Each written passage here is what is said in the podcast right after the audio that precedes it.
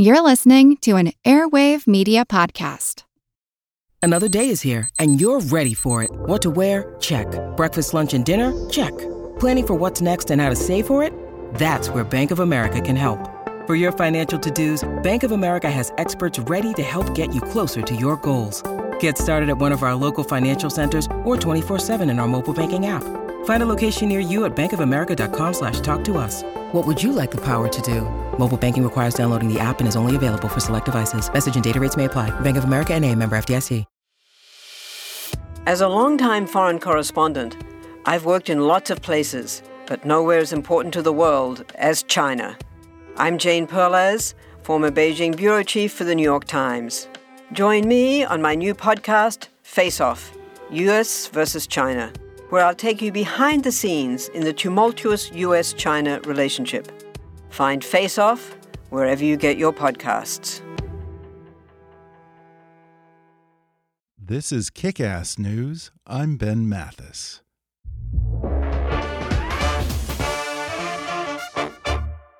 Faculty and students at Rochester Institute of Technology recently built a robot fish. Why? Because it could lead to a new wave of prosthetics. Now everyone's hooked. At RIT, the creative team of engineers is on to something life changing. Learn more about the project at rit.edu/slash kick. And now, enjoy the podcast. Hi. I'm Ben Mathis. Welcome to Kick Ass News. As we all await the release of the full Mueller report on the investigation into possible collusion between Russia and the Trump campaign, today I thought I'd talk to the first Trump official to plead guilty, the first campaign advisor sentenced, and the first to have served time in prison in special counsel Mueller's investigation. You may recall George Papadopoulos as the young foreign policy advisor to the Trump campaign who was accused of bragging to an Australian diplomat that Russians had thousands of hacked emails that could damage Hillary Clinton and tip the election to Donald Trump. He later lied about the encounter to the Mueller investigation, and for that, he was sentenced to 14 days in jail, fined $9,500, ordered to complete 200 hours of community service, and one year of probation. Now, George Papadopoulos is a free man, and he's claiming that he was a fall guy in a new book titled Deep State Target. How I Got Caught in the Crosshairs of the Plot to Bring Down President Trump. Today, George talks about the Maltese professor who first told him that Russia was in possession of the Clinton emails, the professor's female friend who claimed to be Vladimir Putin's niece, and why the mysterious professor has now vanished from the face of the earth. I'll also ask him whether he ever attempted to take the professor up on his offer, whether he reported news of the emails back to the Trump campaign, and why he didn't take this information to the U.S. authorities at the time. Then Papadopoulos explains why he refused to wear a wire for the FBI, why he says he didn't intend to lie to the Mueller investigation, and why he now believes that he was a patsy in what may have otherwise been a legitimate investigation into Donald Trump's connections to Russia. Plus, he discusses why he's considering withdrawing his guilty plea and whether or not he thinks he might get a pardon from President Trump himself. Coming up with George Papadopoulos in just a moment.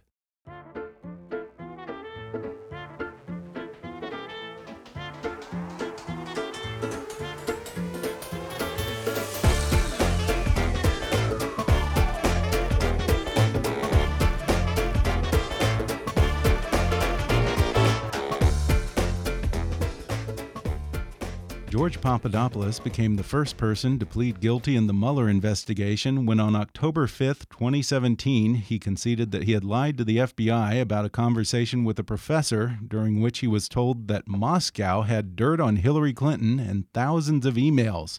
Papadopoulos was sentenced to 14 days in jail. He survived in one piece, and now he's written about the whole experience in his new book titled Deep State Target how I got caught in the crosshairs of the plot to bring down President Trump. George Papadopoulos, welcome to the podcast. Thanks for having me. Well, before we get into all the cloak and dagger stuff in this book, uh, give us a little backstory, George. How is it that you came on board the Trump campaign? Sure. Uh, thanks uh, for that question. Um, I had spent the majority of my 20s uh, working in Washington, D.C. at a uh, conservative think tank called the Hudson Institute. Um, I was working along the sides of people like Douglas Okay. Feith, uh, Seth Cropsey, Scooter Libby. Obviously, was very close to, uh, Yeah. you know, He had uh, his Dick own Cheney. problems. He had his own issues. Uh, he's been Yeah. pardoned uh, recently, so I thought that was right. quite interesting. So I spent five years there dealing on uh, uh, exclusively on issues regarding um, Mediterranean energy security questions. Um, the U.S. relationship with countries like Turkey, Cyprus, Israel, Greece, Egypt. I had absolutely nothing to do with the U.S.-Russia relationship. Uh, Okay, in that fa- wasn't your specialty a- or anything. Absolutely not. Okay. Um, so, in fact, the Huh. last thing I would be doing at a neoconservative think tank would be dealing, promoting the U.S. Russia relationship. Yeah. So, I felt that I completed what I really wanted to do at Hudson. I reached out to Corey Lewandowski Okay, uh, in the summer of 2015, I think around four days after Trump's campaign Trump manager. went down the elevator. So, um, and I messaged him on LinkedIn. I'm like, "Hi, Corey. My name is George Papadopoulos. This is when the campaign was three people. right. Okay, right. Like, you let's probably just- could get someone on LinkedIn. yeah, yeah. I mean, let's just remember what we're talking about now. Right. Summer 2015, the campaign was Corey Lewandowski, Hope Hicks, and this guy called George Gigicos, who I think was uh, heading his like uh, advance team or something. yeah. Um, so I don't, un- I don't know why I called it premonition, call it fate. I thought that Donald Trump would be the Mhm. president. I, I actually had predicted at that moment Trump would win, and then he'd uh, select Marco Rubio as his vice president Oh, interesting. at, at that moment, and uh, people were at the Hudson Institute were, were laughing, like, "What are you talking about?" Uh, and uh, you know, I ended up not joining immediately. I think Corey Lewandowski was uh, telling me, "Let's keep in touch." We don't know basically where we're going as a campaign, yeah. so the last thing we're going to be doing is expanding. Uh, and then I Yeah. joined uh, Ben Carson campaign, and then after that, the Trump campaign. Right. And what was your title with the campaign? Uh, yeah. So with the Trump campaign, I was a foreign policy advisor. Okay. Did that sort of speak to where the campaign was at that point? That you, at, let's be honest, a pretty young age and fairly green compared to like, I don't know, the typical national security advisors to a major presidential candidate. Usually I think there's, you know, generals on there and Henry Kissinger or people like that. Well, I guess Henry Kissinger had to start somewhere too, right? Yeah. yeah. Well, exactly. Exactly.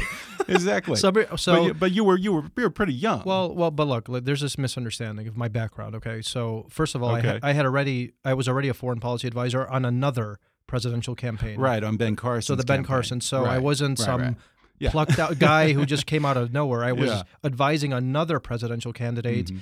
I had been working for years with the personalities I just described earlier. Okay. Guys who were basically running the Pentagon under two presidents. Yeah. Um, and at a very relative, of course, I was in age very young compared to the others, but in terms of you know things I was up to and uh, you know events and uh, uh, conferences I was putting together, I mean, I think I was quite precocious in my hmm um, you know political. Uh, I don't want to call it abilities, but my political um, acumen, I guess. Mhm.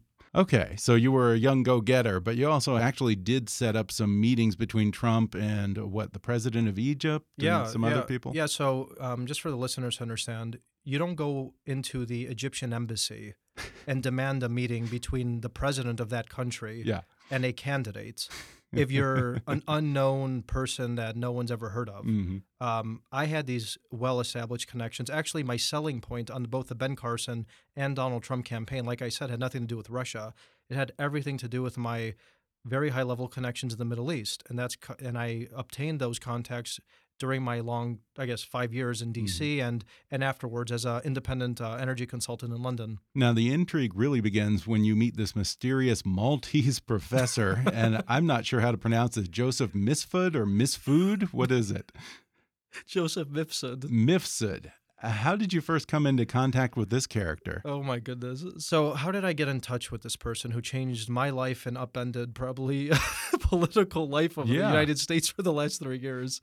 Um, I was working in London at a place called the London Center for International Law Practice.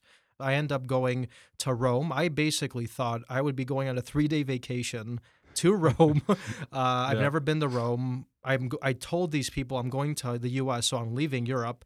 But for some reason, they wanted me to go meet some characters there.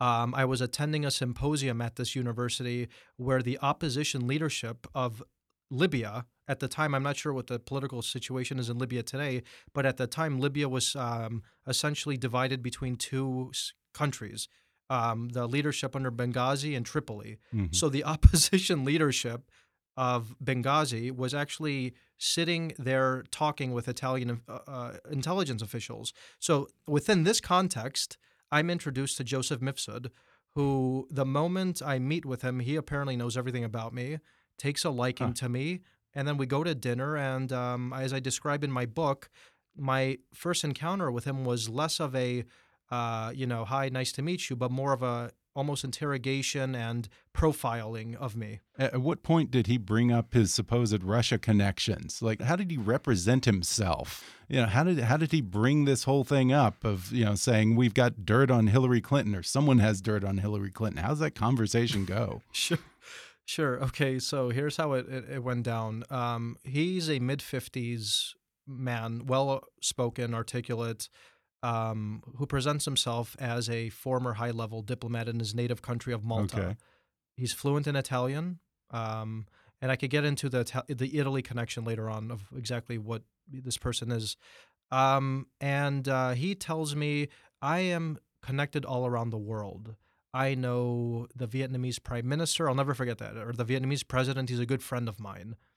Um, I know senior level officials in Moscow, Okay. in Europe, in London, in Brussels. I'm connected to think Okay. tanks in Brussels. This was Did basically uh, the man of the world. yeah. And- Did and- you did you think to yourself, why is this guy trying so hard to impress me? Well, that, in retrospect, you know, I should have, you know, vetted him a little Uh-huh. better. Huh. Um, and I should have ob- obviously vetted what Link Campus and all this other stuff was, but I didn't.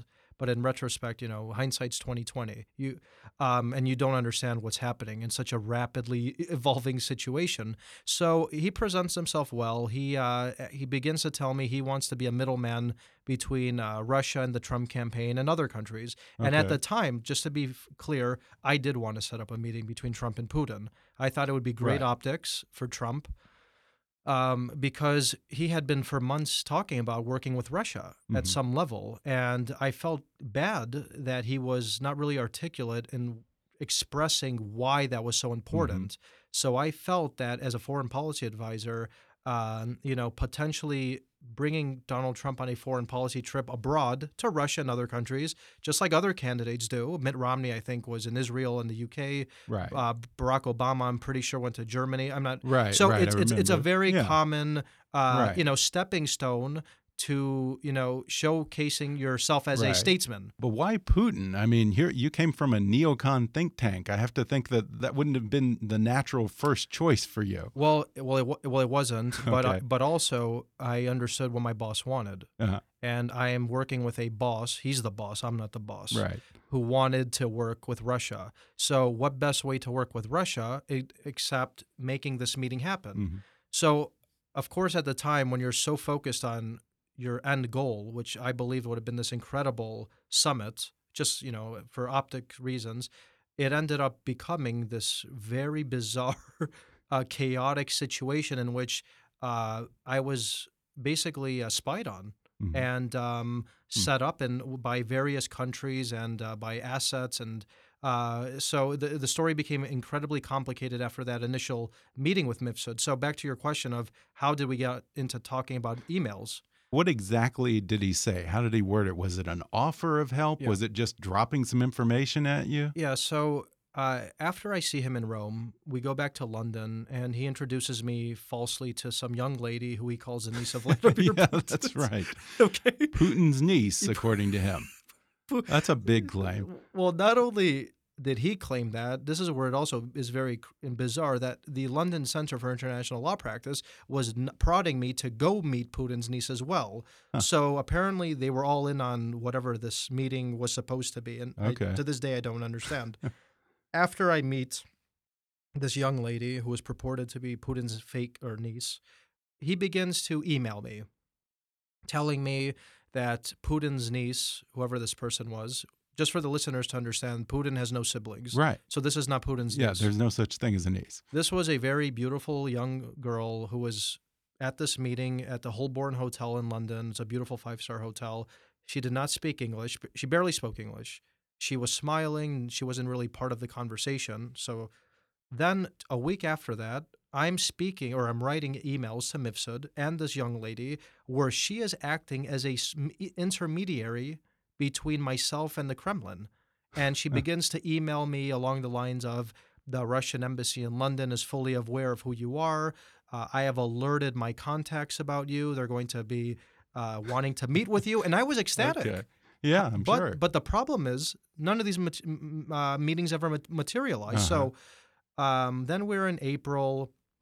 My life begins to the strange things begin to happen. By mid-April, an Israeli diplomat named Christian Cantor uh, comes into my life, and he introduces me to this young lady who he calls his girlfriend, okay. and her name is Erika Thompson. She just happened to be an Australian intelligence officer, and also later on, I would find out was the assistant to Alexander Downer, who we'll get into later. Right, right. Yeah, we'll get to Yeah. that. By eight, by Yeah. by the end of April, so this is around April 15. I'm meeting the Australians for the first time. hmm By April 26th, Joseph Mifsud tells me I need to meet with you one more time, Okay. as I'm trying to distance myself from him because I see he's not connecting me to anyone of substance. Okay. And he, in a sort of a conspiratorial manner, leans over to me in the middle of this five star hotel in London called the the Andaz Hotel, and he says, "I've learned that the Russians possess thousands of Hillary Clinton's emails." And I ask him, "What do you mean?" And he and he just pointed at himself. He said, "They told me," without giving me any He pointed at himself, at himself. and Like they, said like they told me basically that he was so important. Okay.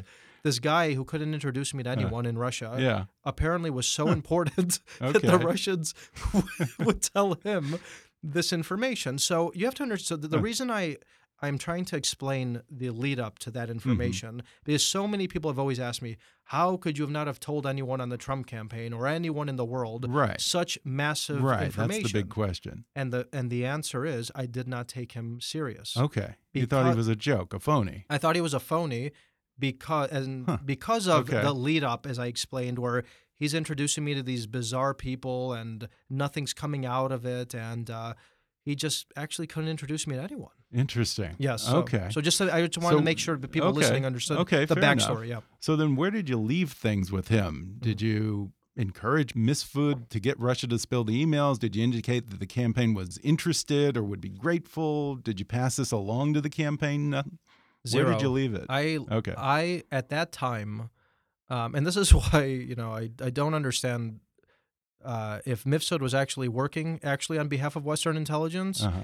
or if he was actually Huh. like this hapless guy trying to bloviate and uh, you know make himself seem bigger than he is, and then he got caught up himself in a in, in something Okay. that he does. So so Yeah, I he did, is a bit of a mystery, this guy. And Oh. hasn't he pretty much vanished? I mean, there were rumors that he might be dead or that he's gone underground. My- no one knows what happened to him. He- huh? Here, here's the very interesting thing that I've just learned recently. And that's why this is actually great timing that I'm talking to you. Um, I gave an interview, and remember, I met him in Rome. Okay, right. so this is why Rome. This is why the backstory is so important to Mifsud. Uh, I had an interview a couple days ago with Sky Italia, which is the biggest Okay. channel in Italy. Mhm, Okay, Sure. where they decided to talk to me and say, "Do you know that Joseph Mifsud has high-level connections to Italian intelligence, uh, the FBI office in Rome, and that Okay. and to Italian officials?" My only question is is that just according to Joseph Misfood? Because it sounds like the other shit he was saying. so, no, no. Okay. here- here's words. All right. here's here's I just want to make sure that there was another source other than Joseph no, Misfood. no, th- no, no. This this is coming directly from. Okay. And don't forget who was part of the intro to him, the Yeah. former Italian foreign minister Vincenzo Okay. Scotti. Right, right. So Huh. they're telling me this, and uh, they're basically telling me, "What's your message to Italy?" And I say, if he's hiding in Italy, which people are speculating now, I think Italy should cooperate with the Trump administration and tell them what's going on. Mhm. And uh, back to your point where people were speculating that he's dead, I have just learned a couple days ago that this university, Link Campus, the spy school, actually has him currently on their payroll, and that's how he's Really? surviving. It, it's incredible. Huh. Why? It's So inc- those checks are going somewhere. those checks are going somewhere. Why would they continue to fund him? Is be- I don't Okay. understand, but the story gets murkier and murkier. Yeah, yeah. What a mystery. I mean, who do you think he was working for? Do you have any idea? I mean, he, he claimed that he was. We don't know if he was working for the Russians, but he had connections to the Russians. Um, Le- le- these are the facts. Okay, let me just lay out the facts right now. Um, when Joseph Mifsud, okay, two weeks after I notified the FBI about him Mhm. in January of 2017, Joseph Mifsud was attending a State Department conference in Washington, D.C. Okay? Huh. Four months after I told the FBI that Joseph Mifsud told me that the Russians possess thousands of emails, he's in Saudi Arabia. You can Google this information, this is all public. He was in Saudi Arabia speaking at a conference along the likes of Ash Carter, who was the I think the Secretary of Defense, Or, uh, oh yeah, yeah, yeah. Se- the Secretary Yeah, of Defense Secretary under Defense. under Obama. Obama. Yeah. Lastly, by the time I'm uh, arrested, and like you said, uh, I think in October, my name is public. Uh, I go to the FBI and I tell them, guys, there's a picture I just saw circulating with with Boris Johnson, who was the Secretary of Yeah. State of of the Uh, UK, yeah. and Mifsud. Why are you not arresting this guy? Huh. What is up? And they both and the Mueller and his team start laughing at me, and they tell me Mifsud is Mueller a, himself. not Mueller, his team Oh, okay. he's a man of many connections and if you had just worn the wire against him like we told you none of this would have happened to you it was yeah. it was it, Huh. it was uh, a scene out of a horror movie Yeah. being in that small Huh. cubicle with these agents having them basically tell me that you're an idiot and we set you up and that we knew who Mifsud was the whole time now Wait, what do you mean? Tell you that you're an idiot and we set you up? Well, They- that was they- my impression. No, no, no, no, no, no, no, no, no. Okay, That was my impression okay. because when I told them, "Why are you not arresting him?" There's a picture of him with the Secretary of State of the I UK, see. and they just stared at me. Like, Okay. Like so, so Mifsud, um, I think is part of this operation. I Mhm. think he uh, was he was known to the FBI. All the public evidence suggests that he was very well connected to British intelligence. Um, in fact, he was uh, hosting seminars with this lady named Claire Smith at Link campus, and Claire Smith, for everyone listening, ha- just happened to be the head of intelligence on, for the MI6. Huh. Um, Interesting. So these were his connections. These are publicly. Yeah. These are his public connections. We we can only uh, Okay. speculate how many more he had. So Okay. um, this is the kind of character he is. These these were his networks, and uh, Bob Mueller himself did not characterize Mifsud really as a Russian asset. He said that Papadopoulos was under the impression that Mifsud was a Russian asset. Okay. So the Huh. stories eh, we're in the gray zone a lot with this guy. We're going to take a quick break, and then I'll be back with more with George Papadopoulos when we come back in just a moment.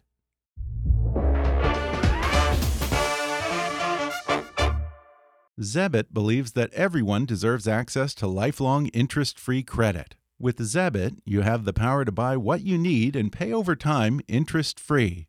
Zebit provides a better zero interest credit option for all members, no matter your credit score. With Zebit, there's zero cost to join, zero membership fees, and zero late fees. Your Zebit account is not determined by your credit score, and your Zebit account doesn't impact your credit score. Zebit has more than 50,000 products in their marketplace and brand names like Xbox, Sony, Apple, GoPro, and Fitbit, all at competitive prices. From electronics to barbecues, furniture, and more, Zebit has everything you need for when you need it. Zebit has a five star rating on Trustpilot, and they've earned the trust of hundreds of thousands of customers. I have to admit that all of this sounded a little too good to be true, but then I went on Zebit and investigated a little myself, and you know what? It's true. Zero interest financing, no sign up fees, and no late fees. Plus, they have a huge selection of products from iPads and the latest TVs to clothes, appliances, gift certificates, and more, and at comparable prices to what you'd pay on Amazon or other sites. I know because I actually compared. And get this, sign up for Zebit today at zebit.com/kick and get $2500 credit to shop the Zebit marketplace at zero interest and zero cost to join. So if you've been saving up for a new laptop or that Gucci purse you've had an eye on, why wouldn't you buy it on Zebit? That's Zebit, Z-E-B-I-T dot com slash kick for $2,500 of interest-free credit. Zebit.com slash kick. And now, back to the show. You recently, as you mentioned a moment ago, said that the FBI wanted you to meet with Mifsud again and wear a wire this time. Uh, If he was originally there and setting you up from the start, why would they have wanted you to go in with the wire and try and catch him? Well, think of it this way: as as I've I've made the case that my the entire investigation has been it was corrupt. Okay. So that's just so you understand the Okay. premise I'm working with. here, Okay. okay. Um, I had not seen Mifsud in close to a year by the time the FBI Huh. had asked me this question. I told the agent to his face in Chicago when he asked me this, I haven't seen this guy in a year. What are you asking me to wear a wire for? I told you everything I know about him. It's your job to go find him. hmm After I said that, the agent was so disappointed and mad at my, I guess my uh, my way of getting out of a potentially entrapping them entrapping me that they told me I know everything about you. Uh, we know everything about your ties to Israel, and I want to get into that because my entire Mhm. case is about Israel. And this is something that uh, many people don't understand unless you read my book. Um, and you're lucky the Israelis are our allies, but and we're not going to bust you for what you're doing with them now. But uh, you know, be careful, kind of thing. hmm And then after that, of course, um, I just noticed that the FBI was just not interested in him. They were not ans- asking me questions about him. Really? They just didn't seem at all interested in this guy. Do you know what they wanted after, to know? after you refused to wear the wire? Yes, yes. Okay. Why, why did you refuse to wear the wire? Because, I mean, you didn't know that at the time. And, you know, as a patriotic American, Yeah. if this guy's supposedly working with the Russians, what what, what was the downside? Do, do you know what I told the agent that day? I Uh-huh. said, if you had asked me this earlier, I would have done it. okay. I haven't seen this guy in fair a enough. year. So you're asking me to basically have an awkward conversation with somebody who I've. Hey, All do you remember a year ago you told me? I mean, I, and I was, and I felt it'd be dangerous for me. hmm And uh, in retrospect, I'm, it's probably the best thing I ever did was not actually accepting that bizarre offer. So, do you believe now that you were some kind of a patsy, that you were being set up from the very beginning? Am I reading this right? That Yeah. Misford and the Australian uh, former foreign minister Downer and all these people that they were all in on it and working for U.S. intelligence or U.S. allies to get dirt on Trump? Um, it, it was it was entrapment, according to you, right? I- Is that what you think now? I absolutely believe that. Okay. And I would reference my testimony to Congress that's been Uh-huh. recently released. I test I was okay. I was one of four witnesses who was invited to testify around six months ago in front of the House Oversight Committee. And you know who the other three witnesses were? Tell L- us. Loretta Lynch, Sally Yates, and Jim Comey. Hmm. And people were scratching their heads. Why would George Papadopoulos be one of four witnesses to talk about FISA abuse if his case is so uh, ma- black and white? Uh huh. He oh, apparently he's drunk in a bar. He has some info, and that's it, right?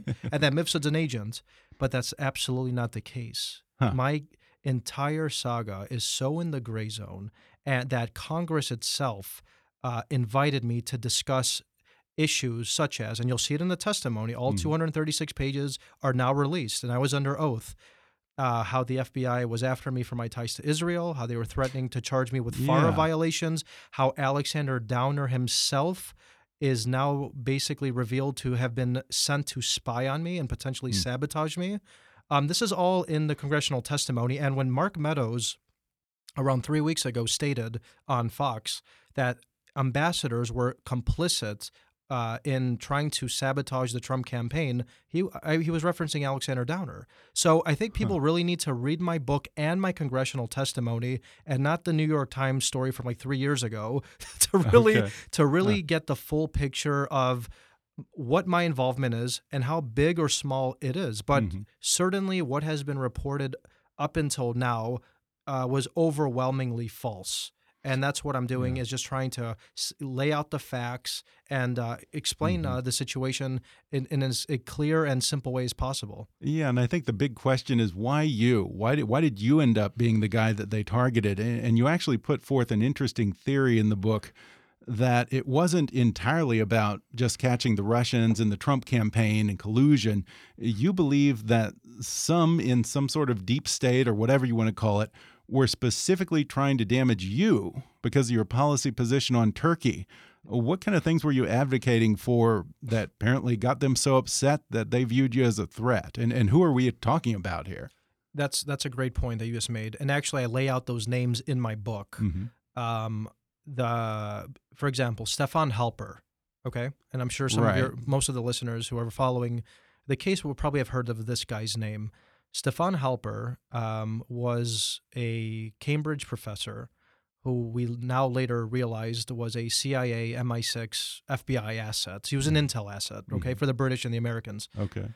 And out of the blue in September, he emails me. I had never heard of this guy in my life. And he says, I'm going to pay you $3,000 and I want you to come to London and tell me your thoughts on Israel and Turkey and energy issues. Okay. Okay. It's a nice offer. And he says, You're a recognized expert in this field. Okay. This is Stefan Halper. okay, that Eh, sounds legit. This right? sounds okay. This Okay. sounds legit. And I say, I Google him I didn't know, of course, that he was a asset. I Google him uh, and I say, okay, he worked for four presidents. He seems cool, legit, cool. I had a girlfriend at the time in London. You know, I was hadn't seen her in a while. I thought maybe I'd just go out there, like the, the whole Rome trip. Okay. Remember, like I going to Rome Right. back then for a vacation. Okay, everything came together. Everything nicely. was supposedly normal, but it was anything but normal. Hmm. I get there, and as I explain in my book, he's berating me about what I'm advising Trump and the campaign on Turkey. How Okay. Um, my thoughts are dangerous, how the Israelis should cooperate with Turkey and not so much with Egypt and Greece, that Turkey is this bulwark against Russia. Okay, so he, I'm invited, I'm paid to have him talk to me about those issues. And then he starts talking about Russian emails and something else. Now, Alexander Downer himself, uh, four months before this meeting, was doing the same thing. What are you talking Oh, about? really? Saying the same thing. The same, and I explain it in my book. The the the encounters I had with Downer and Halper basically mimicked one another. okay. It was let's meet under a false pretext, and then let's talk about completely different issues. And Downer himself uh, wanted to know about my thoughts on Turkey, on Cyprus, Okay. on uh, you know because as I explain in the book, I the connections I had at the prime minister level in that part of the world were you know very hard to get, and you're this young guy who's advocating for you know policies that might or might not destabilize uh, certain you know partnerships that the Mhm. CIA and some of these other groups have f- fostered for so long, okay. and now I'm close to the president. Of course, I was viewed as a threat, okay. and um, so that th- my so basically okay. um, those encounters had to do with Turkey. I explained okay. my Not Russia. no Okay. no no no no Okay. it wasn't about so Russia they were just kind of talking about Turkey policy with it, you. it was Turkey Okay. policy, and it's public. I mean, even the Right, New York right. Times has has explained that I was invited to London by Halper to talk about Turkey and Israel. So, Mhm. and and then of course I get into the book of how meetings I was having with CIA officials in Athens or in Nicosia, uh, or DIA people in London. I explain uh, some of the names. They were all focused on that. Mhm. It's as if um, I was viewed as some uh, threat to whatever was going on with Turkey, and they didn't want me to get so close to Trump or, and power okay. um, because they knew as well as anyone who just Hmm. looks into my file or my background, I had nothing to do with Russia. right. in yeah, fact- that is interesting. In fact, Yeah. all of Huh. my scholarly work, academic work, yeah. professional work was designed to undermine Russia and their policies around the world.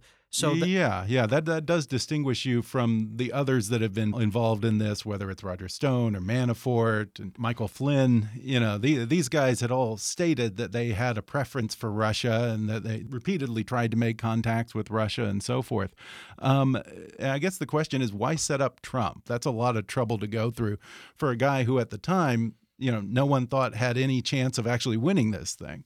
Well, I'll It's a lot of risk to take. Well, I'll quote Peter Strzok. Uh, Okay. it's a, there's an insurance policy in case you die before you're 40, right? Yeah. Okay. Um, and uh, I believe that this is what was meant by the insurance policy. Hmm. Create these fake scenarios of these entrapment setups, and not just me. I mean, uh, it's my understanding uh, now that uh, you know Stefan Halper reached out also to Carter Page, Sam Clovis, actually had ingratiated himself within the transition team itself. So I was a target, but I wasn't the only target, and I've Mhm. never made that. And I've made that very clear. It's not as if the world collapsed on my lap, and I was the only person that they were going through. yeah. And but look, um, I, I make the, the the point that at in 2016, the governments such as the United Kingdom, Australia, Italy, who were involved in these elaborate schemes, were very hostile to Trump. hmm Um, at the time, uh, you know, the Brexit debate had been very, very hot. It still is. We're, Sure. we're three years after the referendum in the UK, and they still can't decide how to get out of the EU. It's that problematic of a issue for these people. And at the time, Trump was just like, "Yeah, do Brexit. We support Brexit. We want a transactional relationship with the UK." And when I would meet with UK uh, officials, they were terrified. They were questioning me, "Why is he doing this? This is a problem. Uh, this is not good."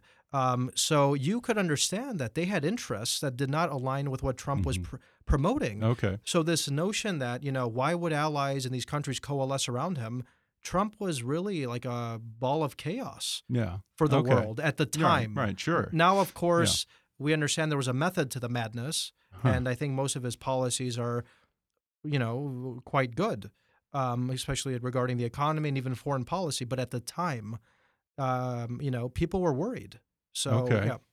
And yet, even Trump's own intelligence chiefs have agreed that Russia was behind the DNC hacks, that they did release the DNC and the Podesta emails, and that they used troll farms to try and influence voters. So it's not like the FBI just imagined that this was going on, at least on the Russian end. Um, is there any part of you that thinks, you know, maybe they really, particularly early on, really were interested in what the Russians might be trying to do to influence the election and maybe less interested in the campaign side or trying to connect dots between the campaign and Russia? Um, I believe that every four years, the most highly watched event around the world is not the World Cup or the Olympics; it's the presidential Sure. campaign season. Yeah. Okay, both enough. both friends and foes are going to do anything they can to Okay. get leverage Okay. and interfere. Um, you know, get a sneak peek behind closed doors. Um, so I understand that the intelligence community has stated that the Russians probably interfered. I have no reason to disagree with that. Um, I just have no idea because I never dealt with any Russian official in my life or didn't engage with Russians Mhm. uh, in the 2016 election or even the transition team. Yet I found myself somehow as patient zero of a Russia conspiracy. So um, that's why I was always very speculative. I was very um, uh, I never understood how my case made any sense. Mhm. And the moment people started to dig into it a little more, they started to realize that there was something probably that didn't make sense and that they dug into it. And that's what Deep State Target's all about. And uh, what journalists now, after they've read my congressional testimony and are hearing me speak, are realizing that this wasn't simply uh, a Russia psyop. Um, it was other countries were involved, and uh, that's part of what the declassification process that Trump has stated that he will initiate. I think that's what it's going to reveal now. Okay. Yeah. So if if as you're saying you think that you might have been a, a target of this the deep state, whatever you believe that to be, who who's in on this? What agencies? How far up the chain of command do you think this went? Uh, do you think Comey had malicious intentions? Bob Mueller, maybe? What? Look, how far does this go? I know that when the FBI came to my house in January, hmm they were asking me a lot of questions about Israel. This is my first interview ever Okay. with the FBI. Huh. Um, so, quite frankly, my suspicions were credible about their concerns. What I was talking about Turkey, Israel, where the FBI itself was asking me if I'm being cultivated by Israeli intelligence. Um, so, I found that to be uh, very strange. Now, there's, I was told I had a FISA warrant on me as well. In April of 2017, I had two incredibly resourceful people from two different channels in this country. I, I name one in my book. The other one I still have not named, but let's just say it's one of the two most powerful newspapers in this country. Okay. Came to me in April of 2017 and told me, We have information that you have a FISA warrant on you. Huh. So, like I said, I've never met with a Russian official in my life. How could I have a FISA warrant on me? How can my friends and business associates um, tell me that the FBI was showing them surveillance photos of me um, during my time on the campaign if I wasn't under some sort of illicit surveillance uh, regarding ties to Russia that never existed? Mhm. What were they really after? Okay. And Interesting. and what they were really after is the claim I make in my book that led to the final moment I had with Bob Mueller's prosecutors. If you don't plead guilty to lying to us, we're going to charge you with acting as an agent of Israel. Okay. We're not going to charge you with this Russia conspiracy, any of that. We their end game was you're out of the game. hmm We're either you're going to plead or we're going to get you on this Israel FARA charge that I think no one in history has ever been prosecuted for. So there was a target on me. And uh, I saw it and I described that event in my book. And back to your question of who was involved in this, if there was a FISA on me, that would have to go directly to the Attorney General and the Director Okay. of the FBI, meaning Comey and I think who was it, Yates, uh, Sally Yates or Mhm. Loretta Lynch. I can't remember who the hierarchy there. But uh, certainly uh, these people had to have signed off Okay. or else uh, that would not exist. And yet you admit in here that the move to investigate Trump's Russia connections was somewhat understandable, actually. You say, you know, he did It have was- certain business connections with Russia that they weren't totally forthcoming about. Uh, you know, you have Cohen, you have uh, Roger Stone, and various people who've been indicted and seem to have legitimately somehow been up to shady business, whether it was for their own ends or whether it was for the campaign. How do you look at that now? Do you just feel like you kind of were collateral damage, like you got caught up in the whole thing? Um, I remember my last meeting with the FBI before they told Mhm. me they were going to charge me as acting as some sort of agent of Israel. they were asking me. The last question was, "So, what do you think all this means?" You know, it's kind of like what okay, did. did you interesting. So what what do you think this whole thing was all about? and and I actually answered that what you just stated. Like I said in my book, it probably has to do with his business. hmm You know, because some, maybe there's something there. And everybody was nodding at me. hmm I think the end point of this was there was probably something suspicious about business. Um, maybe they had information about what is now public about the Trump Tower negotiations during the election. Um, did that coincide with his public statements about working with Russia? Was it more for, for- in order to gain? So maybe Okay. maybe that was um, the end game as itself, just to find out if Okay. he was, if meaning candidate Trump and his team were susceptible to um, being compromised hmm because of their business dealings Okay. with Russia and other Okay. countries. And actually, uh, about my story, uh, when the FBI came to my home, they were asking me, "Where do I get my money? How do I travel abroad? How do I do this?" It was all about money, and um, Okay. and and Although that would be the kind of if you were investigating some kind of collusion or whether someone was having contacts with the FSB and Yeah, Russian spies, but- that would be a legitimate question, Yeah, right? But you know what? My my case, but of course at the time I, I couldn't have predicted it, but it should have acted as a bellwether for how the rest of the, tr-. The Trump associates would have been targeted. And what do I mean by this? Huh. Lying, obstruction, and FARA. Okay. So when I was being charged as an with this FARA violation, I didn't even know what FARA was at the time. And then I'm sorry to hear Paul Manafort's being charged with FARA. Remember Yeah, Ukraine, right, right. Rick Gates, uh, Michael Flynn with Turkey, uh, and others. So I should have realized, but I do now, of course, that uh, Bob Mueller and his team were really targeting people that they felt might or Hmm. might not have been compromised by foreign governments. Okay. And it co- and I think that was the overarching theme of this entire investigation, and it probably goes into um, what they thought or didn't believe about Donald Trump's and his uh, team's business ties to Russia. Okay. Before we wrap up here, in the book, you say that you wanted the investigation to follow the facts wherever they lead. As we wait for the Mueller report, the full Mueller report to come out in a week or so, what are you most interested in learning about this investigation? Wow, that's a that's a great question. Um, I am most interested in learning who the informants were that Okay. were right. uh, sent to uh, you know talk to the campaign and why. Mhm. We could, and um, I also uh, want to understand what other countries were under investigation because I know that Turkey and Israel and Ukraine were involved, were other countries Okay. as well. Okay. And uh, just for you know, I'm f- I'm for I am for full transparency. Yeah. I want, and I was on Joy Reid, and I you know I said the same thing. I'm for all of it because Okay. um, I think America deserves to know the truth and to see who did something right and who did something wrong. Absolutely. And um, if uh, Bob Mueller says there was no conspiracy or Russia collusion, let it all come out. yeah. So that's we my. shall see. we shall see. We shall see. And I, I know that your lawyer has asked for a pardon from President Trump. Uh, any word on that yet? Uh, look, um, my lawyers are dealing with it. Um, I've made it clear that if I'm offered a pardon, I'd be honored to accept it, but I'm not Mhm. expecting one. And uh, they're handling all of it. It's a legal question, and Right. um, we'll see what happens.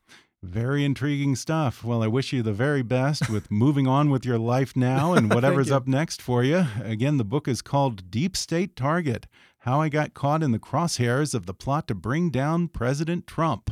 George Papadopoulos, thanks for talking with me. Thanks so much. I enjoyed it.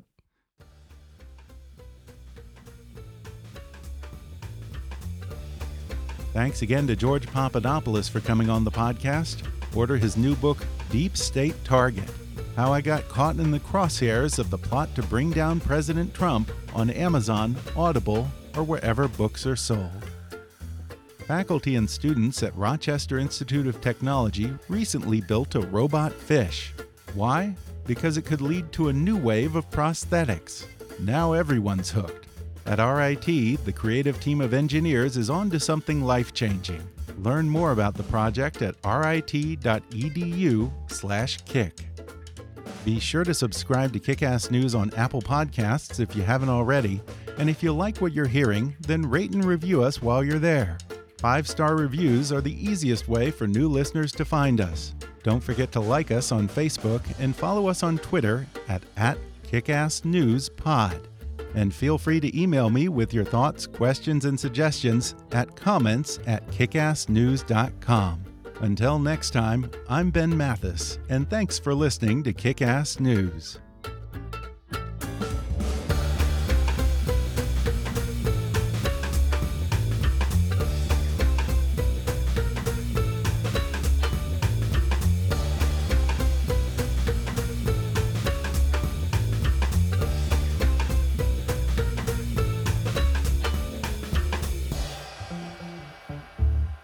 Kickass News is a trademark of Mathis Entertainment, Inc.